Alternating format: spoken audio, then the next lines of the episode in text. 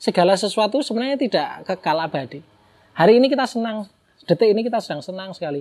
Detik kemudian kita sedih. Dan itulah namanya Pak memahami realitas alam semesta bahwa segala sesuatu adalah tidak kekal. Tidak ada yang kekal.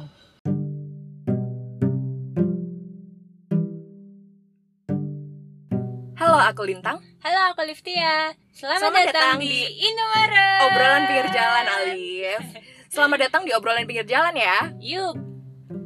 Jadi kenapa namanya obrolan pinggir jalan, Tang?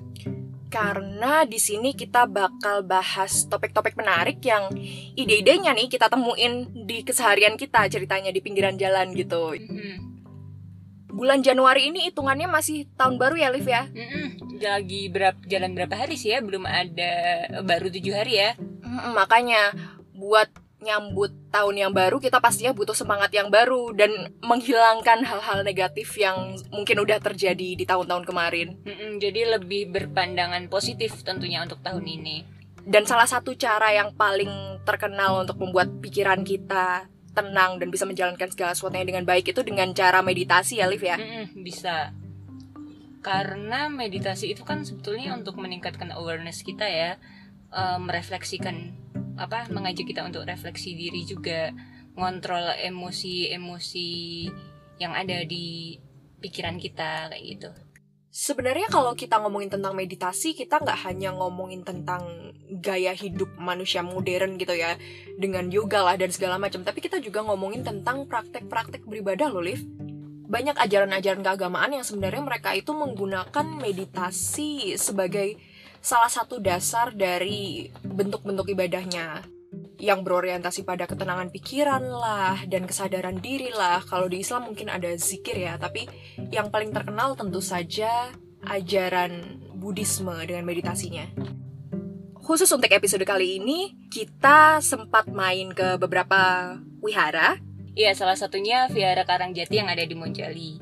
Di sana kami bertemu dengan Pak Toto Tejamanu. Dan untuk episode kali ini karena spesial menyambut tahun baru 2019, kita di sini mengajak Pak Toto untuk ngobrol bersama gitu ya tentang meditasi dan Buddhisme itu sendiri. Nah, jadi buat kalian yang penasaran dengan obrolan kami kali ini, Tetap dengerin aja channel podcast kami di episode kali ini.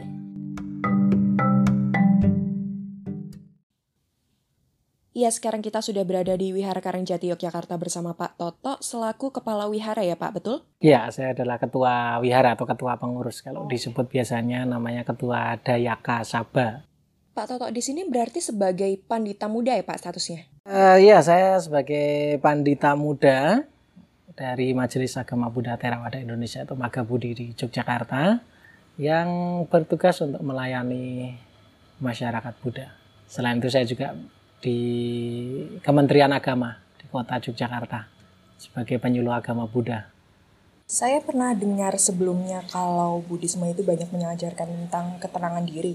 Sebenarnya apa saja sih Pak ajaran-ajaran utama yang ada di Buddhisme itu? Secara mudah sebenarnya begini, ajaran Buddha ini adalah apa yang diajarkan oleh Buddha untuk menghilangkan atau me- eh, melepaskan diri dari penderitaan. Itu sebenarnya kunci utama dalam ajaran Buddha itu adalah bagaimana kita umat Buddha bisa membebaskan diri dari penderitaan. Kalau diformulasi menjadi eh, lebih lengkap lagi adalah kenapa kita bisa menderita? Karena secara batiniah kita bermasalah.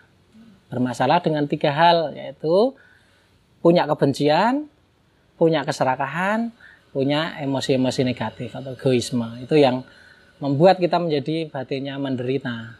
Nah, sehingga kalau tiga-tiganya ini dilenyapkan, dikurangi sampai kemudian habis, ya selesailah penderitaan itu.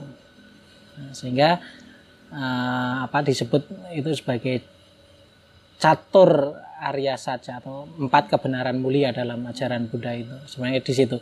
Lalu lalu itu terlalu filosofis yang lebih mudah. Yang lebih mudah sang Buddha mengatakan ajaranku ini intinya adalah pertama jangan berbuat jahat.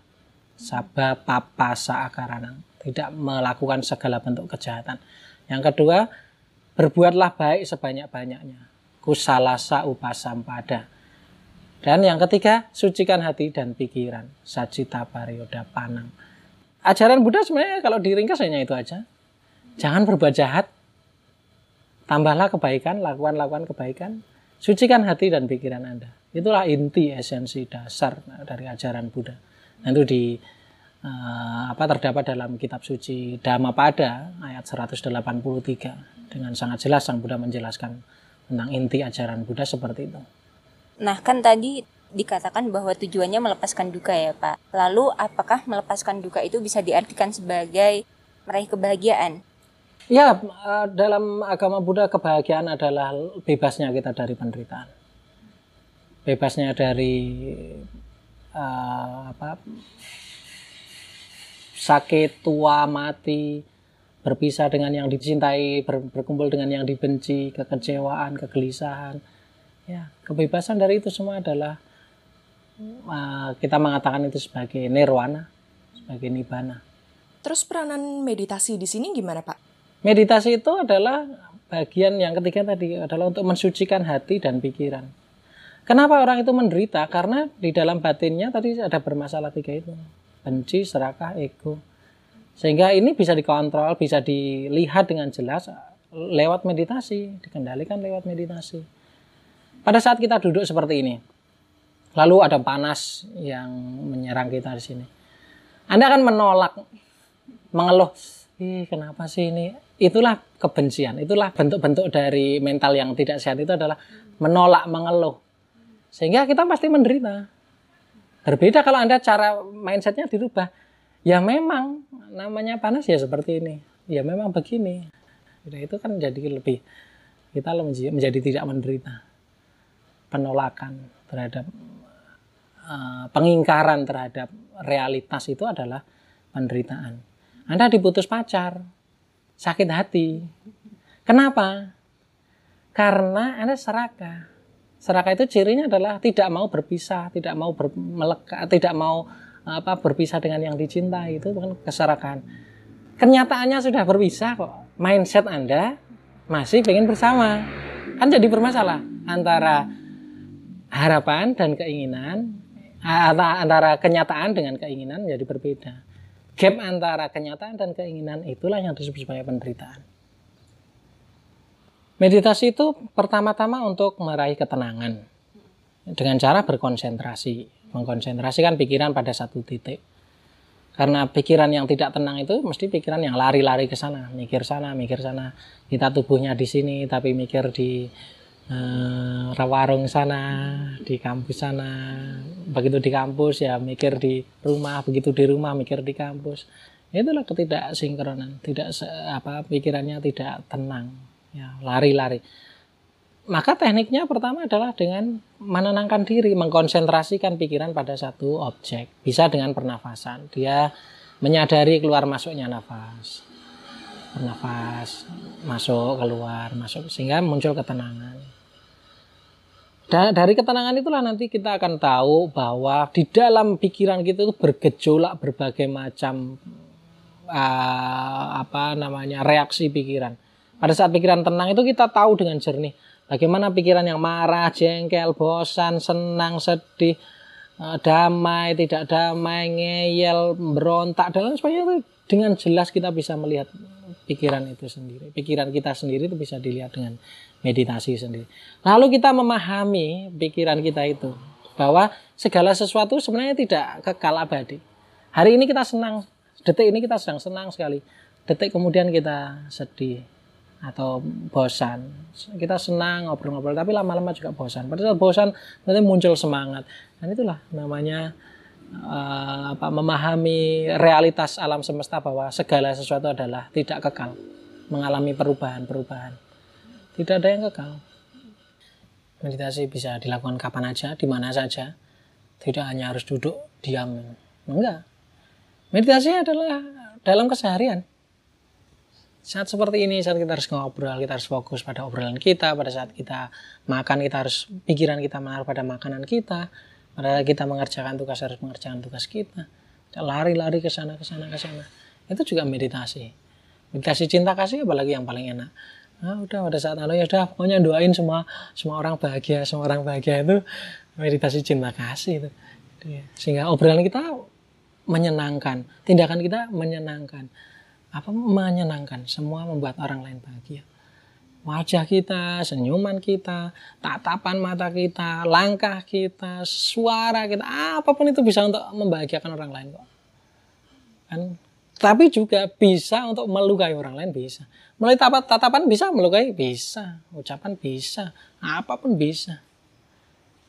Kita adalah senjata juga tapi kita juga adalah alat untuk membahagiakan juga. Menurut Pak Toto sendiri sebenarnya apa sih yang membuat ajaran Buddhisme itu unik? Pertama, agama Buddha ini tidak memaksa. Jadi uh, berdasar kesadaran kita sendiri. Tidak ada ditakut-takuti. Uh, meditasi ya bukan kemudian lalu ini kalau kamu nggak meditasi nanti kamu kamu nggak masuk surga loh ya. Uh, kalau kamu nggak sembayang ya kamu ah, kan nggak gitu. Jadi berdasar kesadaran diri. Jadi harus tumbuh dari kesadaran diri. Tidak ada mm, dokter ditakut-takuti, gitu ya, tidak. Ah, benar-benar harus mencari kita, bukan dipaksa-paksa, tapi mencari. Lalu yang kedua, memang sifat ajaran Buddha ini menantang umatnya itu untuk membuktikan sendiri. Jadi Buddha sendiri, kamu boleh nggak percaya sama ajaranku? dan nggak dosa, nggak kemudian kau jahat atau nggak buktikan kata-kata Buddha, kata-kata sang Buddha ini buktikan kalau ini memberikan manfaat yang besar bagimu lakukan. Kalau tidak buang. Jadi tidak ada kemudian, oh kalau nggak percaya gimana? Nggak apa-apa. Ada acara Buddha yang nggak rasional yang nggak bisa diterima, nggak usah dilaksanakan. Kalau membawa manfaat, pakai. Nah kemudian juga kita boleh belajar apa aja misalnya saya mau belajar uh, apa belajar Islam belajar Kristen belajar tidak ada kemudian wah nanti kamu hati itu ya kalau belajar ke sana kamu nanti uh, apa nanti keimananmu jadi berkurang. Enggak merdeka aja saya belajar kejawen lah belajar sabta dharma lah belajar Islam belajar Kristen belajar apa. Kuncinya sebenarnya itu uh, dharma itu apa yang diajarkan oleh sang Buddha itu Dharma itu bisa ditemukan oleh di mana saja dan disampaikan oleh siapa aja. Dharma itu sangat-sangat universal bagi saya. Di mana ajaran di sana ada ajaran bahwa jangan berbuat jahat. Kalau ada ajaran kok mengajak orang berbuat jahat, nah ini bukan dharma. Dharma ini bisa berbahasa apa aja, bisa bahasa Arab, bisa bahasa Ibrani, bisa bahasa Jawa, bisa bahasa apa. Mengajak orang untuk berbuat baik bisa ditemukan di mana aja. Mengajak orang untuk mensucikan hati pikiran, membebaskan dari apa benci serakah ego. Itu adalah dharma. Sehingga merdeka aja saya. Dan tidak harus baca kitab suci yang Tripitaka itu kan 84 ribu kelompok itu ya. Ada kalau makanya tri itu tiga pitaka keranjang nanti ada tiga keranjang tiga kelompok besar itu. Wah, fotokopi aja yang berbahasa Inggris bisa habis 22 setengah juta. Berbahasa Inggris. Nah kan repot kalau aduh apa membaca saya harus harus sejak awal membaca dari satu-satu yang enggak. Intinya aja. Pak, saya penasaran kan banyak yang bilang kalau Buddhisme itu sebenarnya lebih ke pandangan dan gaya hidup dibandingkan agama. Kalau menurut Bapak sendiri gimana? Ya, ya karena di Indonesia ini kan kemudian harus menginstitutionalize ya. Jadi saya sering membedakan antara dharma dan agama agama itu wadahnya, tapi dharma itu esensinya. Nah, karena makanya nanti di agama kan harus menstruktur ya. Harus ada ininya, ada ininya, ada ininya, ada umatnya lah, ada ini harus dipertahankan lah, ada apalah. Tapi dharma sebenarnya spiritualitas itu uh, anu ya, apa merdeka dia. Air bisa ditemukan di mana pun, tidak harus di wadah mangkok atau gelas. Dia bisa ditemukan di mana pun. Nah, dharma dan agama ya bisa selaras kadang-kadang, tapi bisa juga ano cekcok ya. Dalam arti misalnya, eh kamu nggak boleh loh ya, ano pindah agama. Bagi saya eh, apa ya pindah spiritualitas itu bisa aja kalau kita namanya perjalanan spiritual seseorang itu merdeka aja bagi kami ya. Makanya saya mau belajar Kristen mau belajar eh nggak tahu juga mungkin aja saya besok tiba-tiba menjadi mualaf karena mendapatkan dharma di di Islam ya bisa juga. Tapi karena kemudian terinstitusionalis ya. Lalu apalagi sekarang saya eh, menjadi di Kementerian Agama yang ngurusi agama Buddha lah masa saya pindah agama gitu kan ya wagu gitu. Tapi spiritualitas sangat cair sebenarnya. Nah, dharma itu sebenarnya ajaran Buddha itu kan dharma. Nah, sehingga dia memerdekakan sebenarnya. Maka dia gaya, saya setuju memang dia sebagai gaya hidup.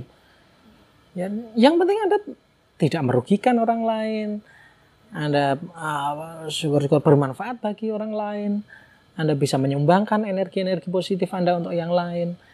Nah, itu jauh lebih jauh lebih merdeka, jauh lebih dharma, jauh lebih memahami ajaran Buddha daripada sekadar saya agamanya Buddha loh ya. Uh, apa saya kalau hari Rabu harus ibadah gini-gini tapi saya brengsek saya nipu orang saya kalau agama Buddha itu diartikan sebagai filosofi hidup lalu bagaimana konsep Tuhan itu sendiri Iya ya, ini yang sering kali di ano ya, Tuhan dalam agama Buddha itu memang bukan Tuhan yang personal.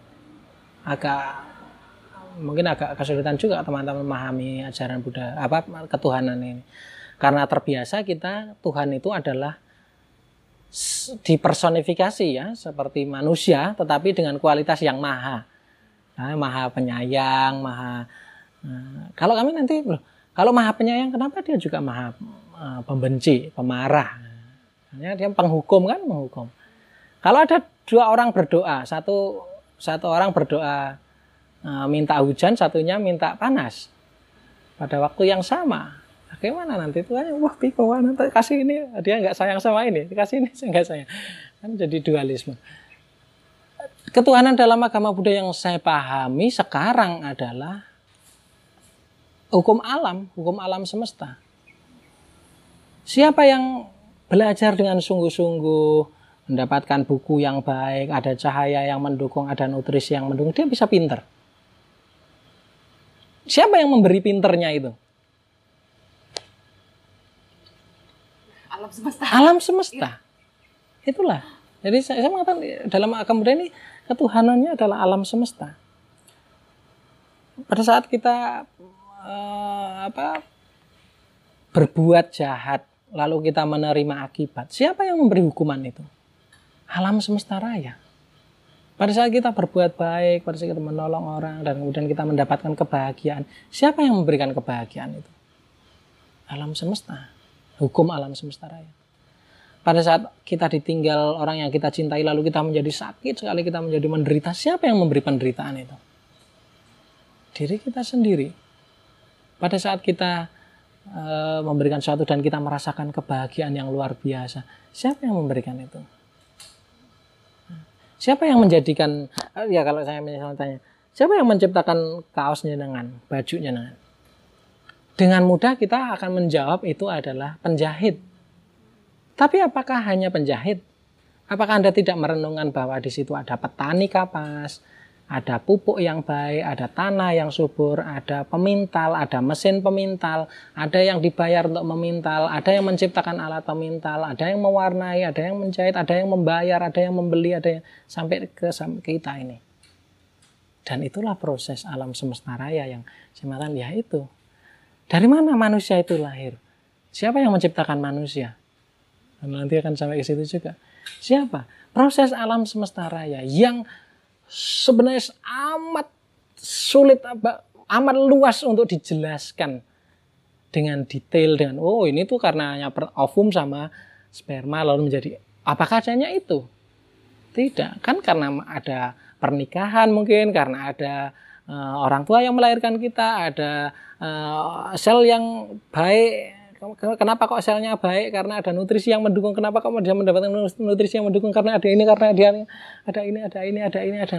Dan itulah yang maha maha tidak terjelaskan. An, apa namanya kalau di Buddha sampai dikatakan itu sebenarnya para marta itu tidak terpikirkan oleh manusia luasnya itu benar-benar ya akhirnya orang Jawa mengatakan ya ya itulah tan kenokino yang apa tidak bisa diapa dan siapakan Lalu kepada siapa kita memohon kalau begitu umat Buddha ini? Nah, saya memohon.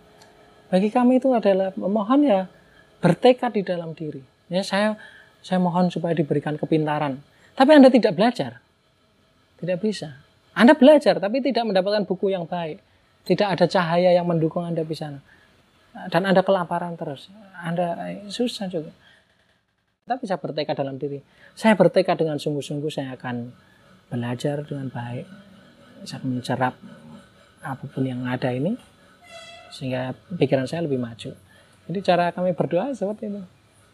Tidak perlu apa misalnya saya minta diberikan rezeki. Ya kerja kerja dengan sungguh-sungguh, diperhatikan cara etika, etika kerjanya, etos kerjanya, diperbaiki apanya di situ.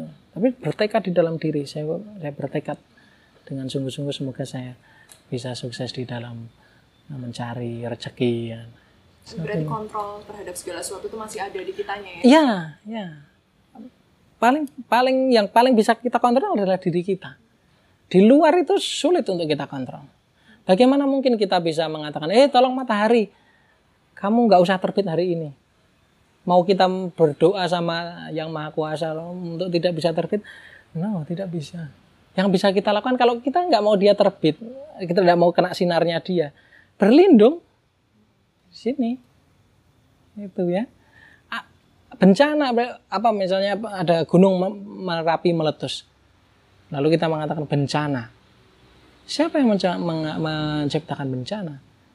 Ya pikiran kita yang mengatakan bencana. Alam semesta sudah begitu. Sejak dulu sejak belum ada manusia namanya gunung berapi ya nyembur gitu aja. Menjadi bencana karena kita coba-coba untuk eh, melawan kenyataannya kita masih ada di situ jaraknya aman kita tidak perhatikan ya jadi bencana. Benar. Kalau kita mengatakan lah ya sudah karena itu memang proses alam semesta begitu. Lalu kita harus mendamaikan diri dengan alam. Ya tunggu dulu lah nanti kan juga akan jadi rezeki nanti kan jadi pasir jadi apa jadi apa.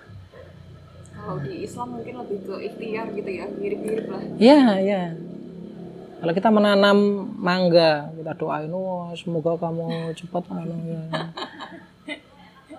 Apa kamu mungkin? Harus disirami. Harus disirami dengan sungguh-sungguh, kasih pupuk dengan sungguh-sungguh. Memang pikir, pikiran memang punya anu ya, punya uh, power.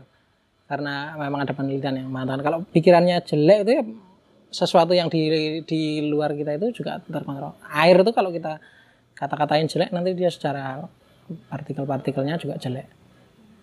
Nah, makanya kan orang sebelum sebelum minum ya dia ya berterima kasih lah apa ber, mengatakan ya semoga air ini bermanfaat untuk saya. Nah, itu kan molekulnya jadi baik. Sama aja uh, menanam ya kita berikan wah aku suka sama kamu ya baik terima kasih ya nah, kita kasih pupuk dengan penuh cinta bukankah Tuhan itu adalah cinta itu sendiri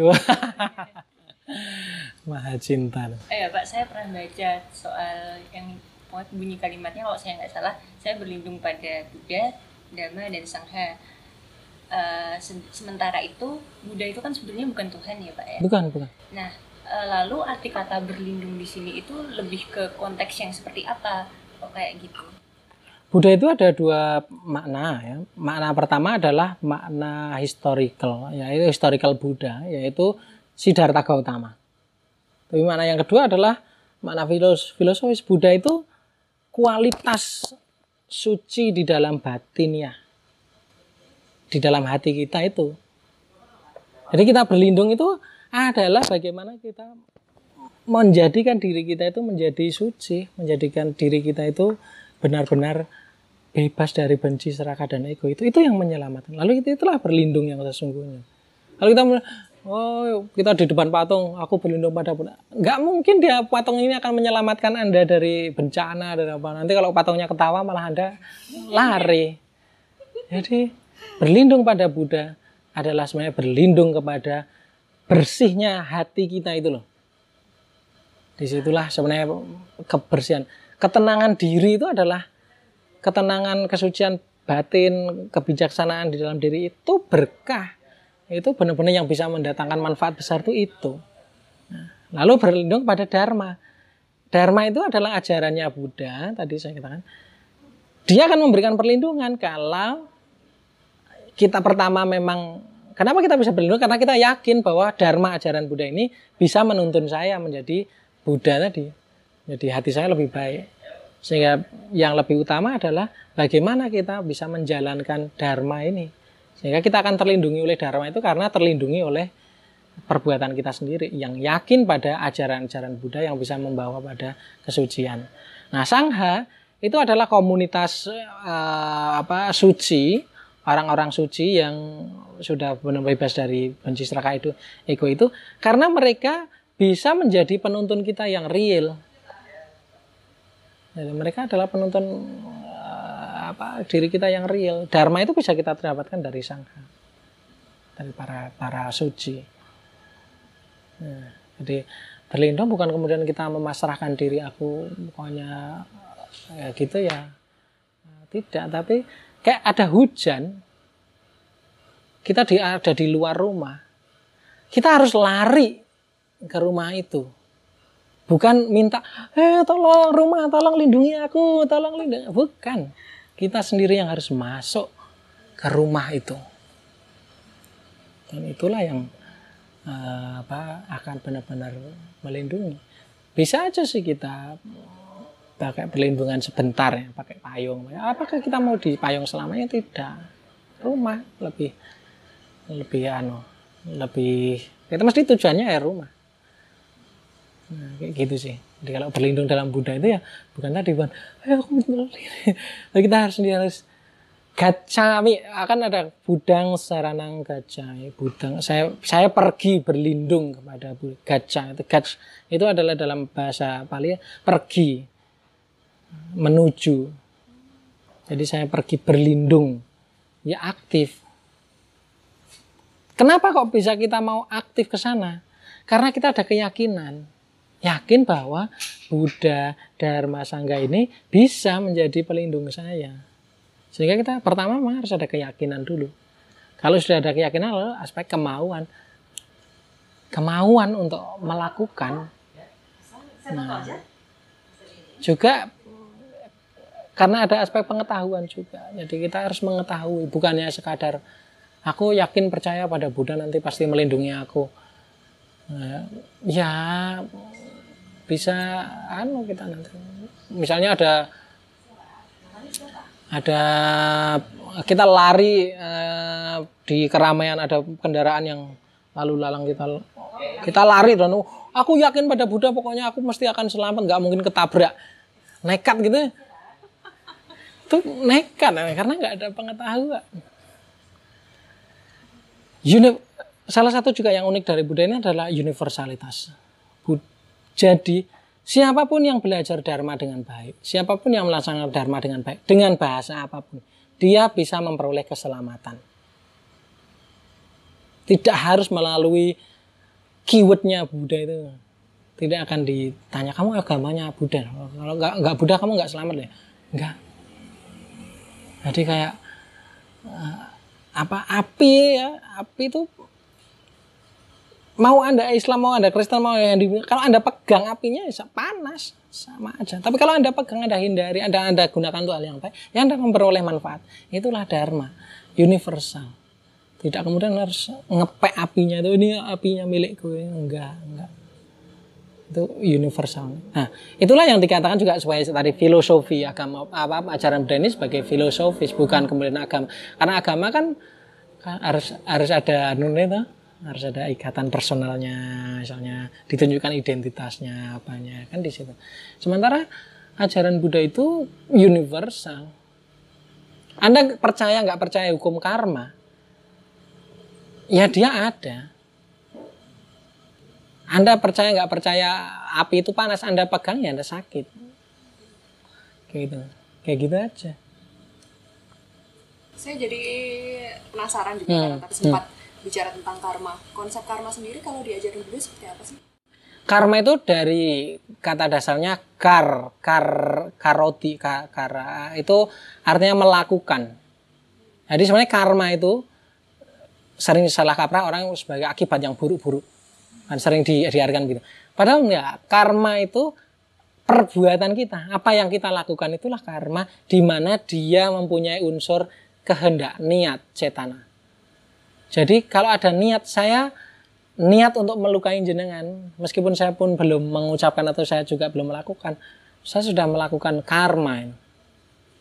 Saya pikir akibatnya itu yang Nah, ya karena diserap dalam bahasa Indonesia lalu menjadi karma itu menjadi akibatnya. Nah, itu bisa baik, bisa buruk. Karma itu netral sebenarnya. Perbuatan itu bisa perbuatan baik namun perbuatan buruk. Nanti ada karma wipaka atau karma pala. Pala itu kan buah. Karma itu perbuatan, buah perbuatan. Atau wipaka juga buah. Karma wipaka berarti buah dari perbuatan kita. Kalau saya ngomong jelek-jelek pada Anda, lalu Anda nggampar saya, di situ karma berbuah. Saya melakukan perbuatan jahat, lalu langsung berbuah. Pada saat saya tersenyum, lalu Anda tersenyum dengan happy dan kemudian kita sama-sama bahagia. Saya menanam karma, baik, hasilnya baik. Nah, di situ. Nah, kalau di Indonesia kan lalu karena karma itu dipahami wah akibat yang yang jelek-jelek kan sih kecelakaan, kena musibah apa itu karma. Enggak. Karma itu adalah kusala karma adalah aku salah karma. Perbuatan yang baik dan perbuatan yang buruk. Dan itu ukurannya apa? Ukurannya niat. Kalau sudah ada niat, itu sudah dihitung karma saya niat untuk nolong orang tapi belum kesampaian. Ya itu sudah niat baik itu sudah karma baik. Kita menanam karma baik. Saya niat mencelakai tapi belum sempat mencelakai. Itu juga sudah kita nanam karma baik. Nah karma itu dilakukan melalui tiga. Pikiran ucapan dan perbuatan badan jasmani. Salurannya bisa tiga itu. Kan doain orang yang jelek-jelek.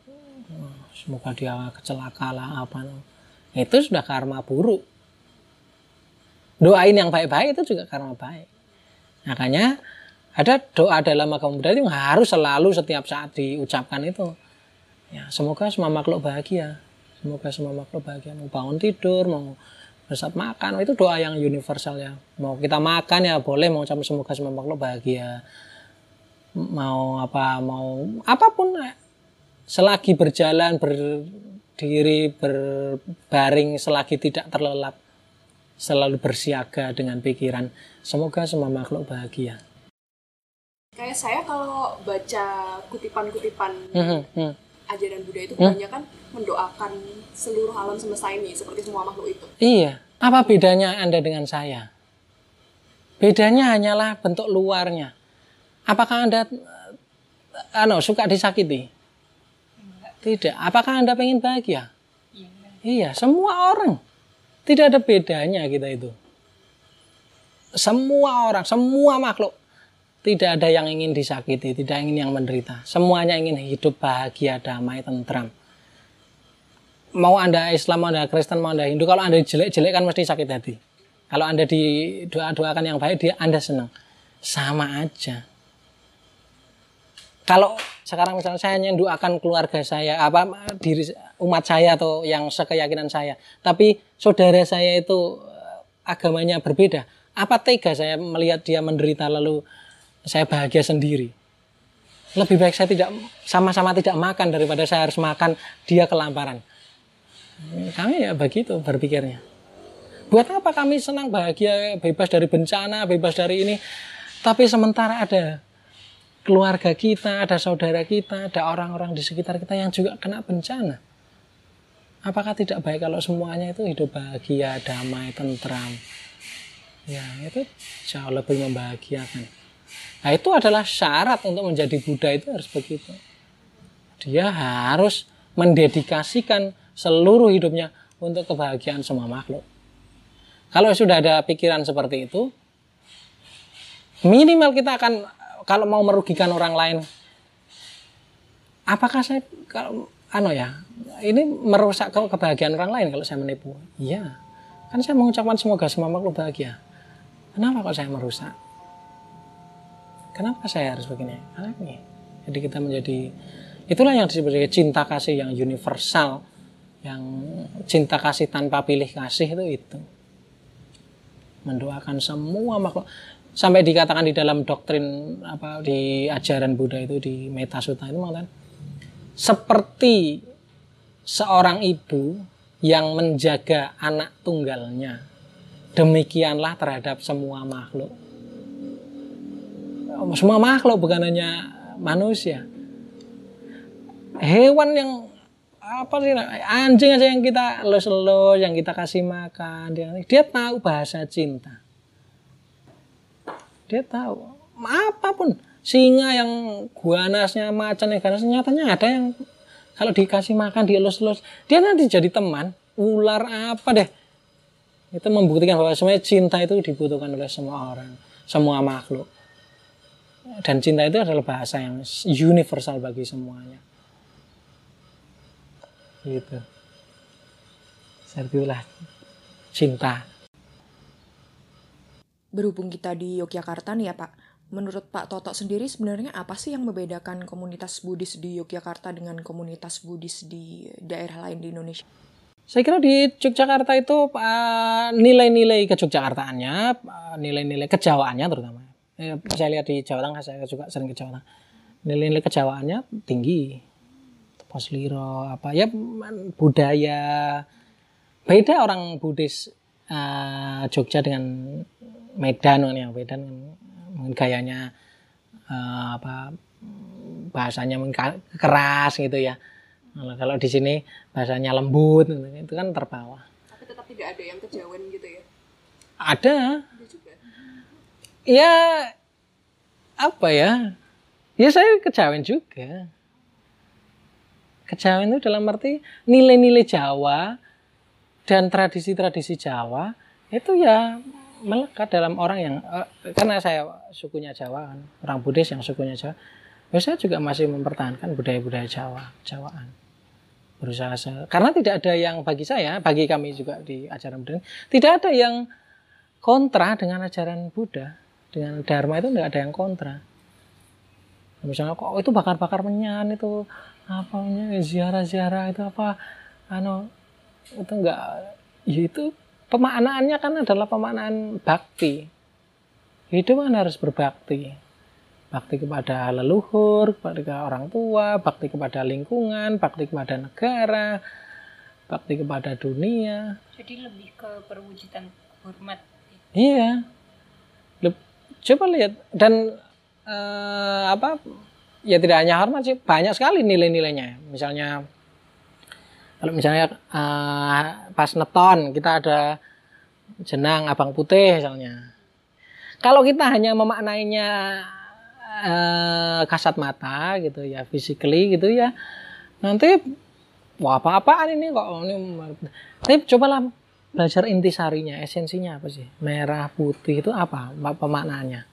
Oh, merah itu adalah misalnya rohani putih itu adalah jasmani keseimbangan kemudian um, jenang pitu atau golong golong itu kan berarti kalau orang Buddha mengatakan aditana tekad yang kuat tekad yang sudah meng, menggumpal kemudian tumpeng itu kan uh, fokus bagaimana kita sendiri harus benar-benar ya fokus kemudian dia punya fondasi yang kuat. Tumpeng itu kan fondasinya kuat sekali.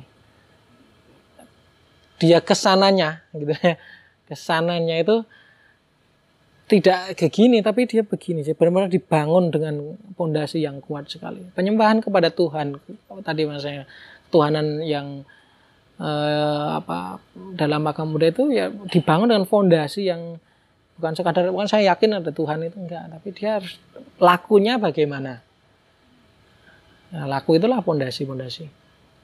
Tidak bisa kita mengatakan menyembah Tuhan, mengagung-agungkan nama Tuhan, tapi perilaku kita tidak berketuhanan ya tidak bisa.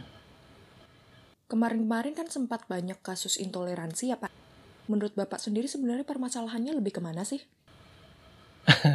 ya memang gini ya, di dunia ini nggak semuanya orang itu baik semua. Kalau semua orang baik semua, anu ya malah aneh itu ya dunianya sudah seperti surga mungkin ya ya di dunia ini kan memang orangnya macam-macam ya ada yang juengkel ke, ada yang nyeneng ke, ada yang beragamanya itu moderat, ada yang konservatif, ada yang keras radikal dan itu ya itulah dunia gitu loh. Nah, cuma nah, saya lihat juga sebenarnya yang yang gitu-gitu, yang radikal-radikal gitu-gitu ya biasanya nggak banyak sih. Masih banyak yang waras tuh ya banyak Cuma karena mereka itu wah di, di framing dengan berita lah dengan anu sehingga kelihatan wah menakutkan sekali dan benar-benar banyak gitu loh kelihatannya itu. Padahal saya kira yang nyantai-nyantai, yang slow-slow, yang beragamanya tuh nggak harus gitu-gitu tuh ya banyak juga. Nah, memang tugas kita ya harus kalau di FKUB ya ya bagaimana kita anu lah orang soal berbeda keyakinan, berbeda pandangan. Monggo, tidak ada yang bisa menghalangi itu hak semua orang. Anda mau meyakini apa ya silakan. Tetapi dalam konteks eh, apa sosial kemasyarakatan, muamalah kan ya harus lihat-lihat. Tidak mungkin kita memaksakan pendapat, pandangan kita itu pada yang lain. Kalau begitu nanti ya mesti konflik. Jadi pemaksaan kebenaran yang dia pahami harus dipahami eh, kepada orang lain itu yang membuat sering kali eh, berkonflik itu di situ. Truth claim ya, klaim-klaim kebenaran bahwa hanya hanya keyakinanku lah ini yang paling benar dan celakanya dia mengekspresikan itu pada orang lain sampai kemudian memaksa orang lain kok harus seperti keyakinannya itu yang jadi bikin masalah. Nah, sebenarnya negara kan harus hadir di situ untuk meregulasi.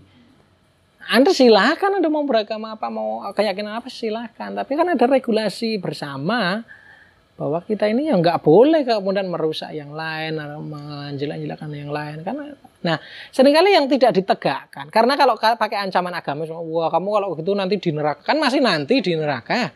Yang konkret kan nggak ditegakkan penegakan yang konkret, yang real sering kali tidak dilakukan. Sehingga ya nanti diulang lagi, ulang lagi, ulang lagi. Dan kelompoknya itu, itu lagi, itu, itu lagi. Hmm, karena sering kali itu penegakan hukumnya tidak, orang tidak setia pada peraturannya itu loh.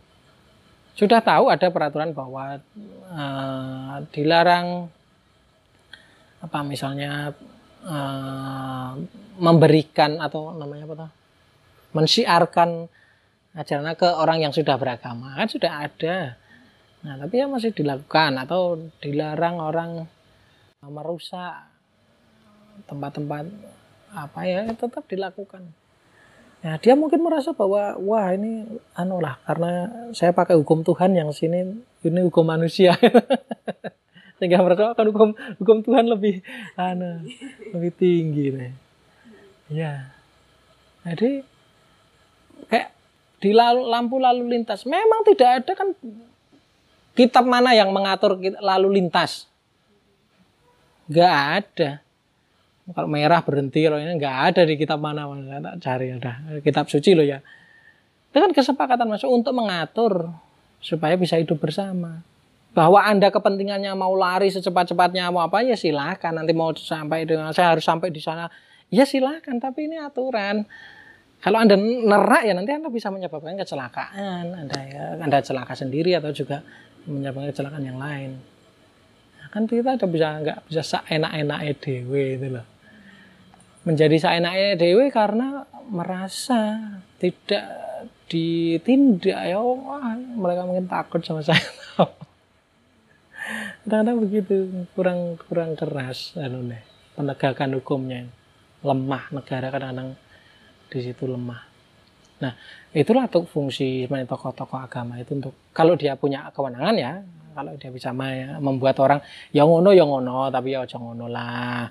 Kamu ya boleh lah punya keyakinan gini-gini ya boleh, tapi yo ya, yo jangan kemudian dipaksakan orang lain. Masa kamu cinta sama dia, kamu kamu kamu tuh harus cinta sama dia loh ya, tak paksa kamu. Pacarmu tuh harus itu. Kan ya nggak bisa, urusannya cinta ya agama itu kan ya juga urusannya cinta. Saya sudah percaya sama ini, saya cinta sama ini. Kok dipaksa-paksa harus begini. Nah, gitu. Yang sering ini sekarang kalau sekarang yang sering disasar itu anu makam ini. Ini kan ya di Magelang ada kemarin-kemarin di takut sama makam. Sama makamnya takut atau gimana? Ya janganlah. ada kasihan ya Pak, maksudnya kan dia sudah meninggal gitu loh, masih aja diusik-usik Ah. kayak gitu. Yo malah nggak kasihan sih mungkin. Dia nggak tahu. yang kasihan tuh yang hidup itu. Merasa yang keluarganya tuh "Mm, kok ada itu yang kasihan. Kalau yang mati kan kita nggak tahu nah, nanti paling-paling ya kalau anu malam-malam jadi pocong eh kamu kemarin merusak gitu kan. Kan kita nggak tahu ya. Jadi ah wong ya gitu aja kok ya di masih dirusuh gitu ya. Tapi itu anu ya kita eh ada usaha-usaha untuk memecah belah itu ada selalu ada orang yang uh, memanfaatkan ya uh, yang kita waspada itu kan ada orang yang bahaya yang memanfaatkan fanatisme itu ya Lalu bagaimana agama Buddha memandang fanatisme keagamaan Pak? pertama itu uh, bahwa kami memahami bahwa tidak semua orang baik hatinya secara dharma itu juga diakui bahwa ya wajar nama di dunia ini ada orang jahat ada orang baik ada yang itu itulah itulah dunia. Tidak perlu benci kepada mereka. Kebencian jika dibalas dengan kebencian itu tidak akan pernah berhenti. Hanya akan terus menerus begitu. Aksi reaksi aksi reaksi terus menerus barangkali memang ya harus di anu ya dirangkul diberikan cinta, diberikan perhatian. Tapi karena kadang-kadang kita sudah takut sendiri, lalu mau mendekati mereka itu, saya yakin sebenarnya mereka itu kan begitu itu karena butuh perhatian, sehingga mau cari perhatian. Karena entah itu yang harus memperhatikan negara, entah itu yang harus memperhatikan nah, mungkin kelompok-kelompok tertentu itu harus mereka butuh perhatian. Jadi eh, nanti ya kami yakin bahwa manusia juga tidak akan selamanya begitu kok. Eh, pad- pada suatu saat dia juga akan menyadari bahwa wah aku ya jane keliru lah. Begini begini itu ya nggak baik. Pada saatnya juga nanti dia akan terjadi pemahaman seperti itu. Itu tidak tetap tidak saklek gitu. tidak saklek. Oh, iya itu kan harus diyakini oleh umat Buddha. Namanya anicca. Tidak ada yang kekal abadi termasuk soal pandangan soal sikap hidup soal apa itu tidak ada yang abadi kalau mau cepat apa ya ya mau cepat dia yang bermasalah sebenarnya kan pada mindsetnya yang saya harus disasar berarti mindsetnya. Kalau kita mau menolong mereka, tolonglah lewat mindsetnya. Atau mungkin juga karena dia radikal itu karena dia butuh makan atau butuh apa, ya ada di situ harus cara-cara yang ahli untuk mengatasinya ini. Kan kalau kita lihat sejarahnya kan, apa eh, radikalisme baik agama maupun yang lain, eh, motif yang lain, ya munculnya biasanya adalah karena reaksi eh, ketimbangan sosial, ketimbangan relasi kan sehingga menyebabkan perlawanan. Kalau dengan agama saja sudah dengan turunnya agama itu lalu orang jadi baik semua itu, nah ya nyatanya enggak. Ada agama tetap ada orang jahat. Ya, mungkin udah merasa bertuhan. Nah, apa punya Tuhan, tapi tetap jahat. Ada. Apa ciri orang bertuhan itu? Ciri orang bertuhan itu baik perilakunya. Kan kalau di Indonesia lain, apa ciri orang bertuhan? Punya agama. Lah itu. Lah itu.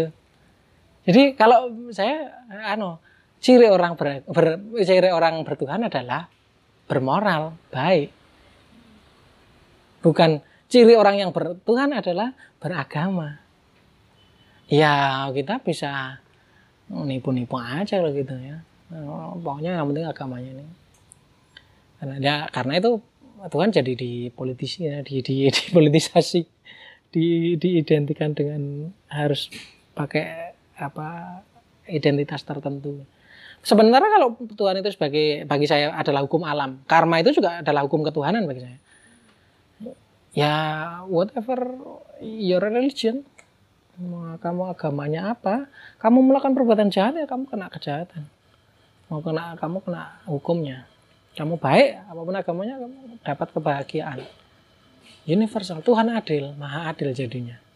Tidak milih-milih. Wah ini hanya yang berdoa kepada aku aja yang nanti tak tak anu tak kasih rezeki. Sementara dia nggak berdoa sama Tuhan yang ini, nyatanya dia dapat rezeki juga. Ya, bisa selamat juga. Nah, kan gitu. Jadi yang penting bagi saya ketuhanan itu adalah tadi hukum alam yang kita sendiri harus menyesuaikan dengan hukum alam. Bertuhan adalah berbuat baik, menghindari kejahatan. Mensucikan hati pikiran itu bertuhan benar-benar. Tidak sekadar nyebat nyebut nama Tuhan, tapi semuanya sama sekali tidak mencerminkan punya ketuhanan. Pokoknya kita itu harus slow. Coba untuk membebaskan diri dari uh, sekat-sekat anu dulu, sekat-sekat apa berjarak gitu ya menjarak. Jadi kita aku Islam aku Kristen aku Hindu. Nah ya kita coba untuk anu dulu lah. Sama-sama kita sama-sama apa? Sama-sama manusia. Sama manusia yang ingin bahagia caranya apa? Kamu mau cara yang diajarkan dengan bahasa Islam silakan. Dengan bahasa Kristen silakan. Dengan bahasa silakan. Toh nanti kita juga akan ketemu pada titik makanya saya sering bikin cinta kasih dan kebaikan adalah bahasa semua agama. Dan kebahagiaan itu adalah tujuan semua agama. Kalau uh, Dalai Lama mengatakan agama itu bukan untuk mengkritik orang lain, untuk menyalahkan orang lain, untuk menilai orang lain, untuk menjudge orang lain. Tapi agama itu adalah mengkontrol diri kita. Adalah alat cara kita untuk mengontrol diri kita sendiri. Sehingga agama benar-benar bermanfaat, bukan sekadar untuk membedakan, bukan untuk mensekat. Agama bukan untuk memecah belah, bukan untuk membeda-bedakan, tapi justru ini menyatukan. Justru agama ini akan membuat kita menjadi sama, mengerti bahwa kita itu sama-sama kalau pakai ya ciptaan Tuhan sama-sama tinggal di bumi yang sama sama-sama menghirup udara yang sama kita dengan orang Amerika sama-sama menghirup udara yang sama kan Iya enggak? Iya, setidaknya ini, ini yang di Amerika. Di Tapi kan terhubung kan? Iya. Nggak ada sekat itu lalu mereka terhalang itu nggak ada enggak? Nggak ada. Itulah makanya orang Buddha bermeditasi dengan pernafasan. Nafas keluar masuk keluar masuk merenungkan bahwa semuanya ini hanya ya manusia itu yang paling juga yang paling mudah diketahui adalah bernafas tapi kita lupa bersyukur atas nafas itu sendiri. Anda baru sadar kalau bernafas itu penting. Kalau sudah dibelebegi dalam air itu baru oh iya ternyata nafas itu penting. Ternyata udara itu penting. Ya itu. Baru kita menyadari wah penting ya bernafas. Bersyukur kita bernafas. Pagi ya bernafas. Wah syukurlah masih bernafas sama-sama bernafas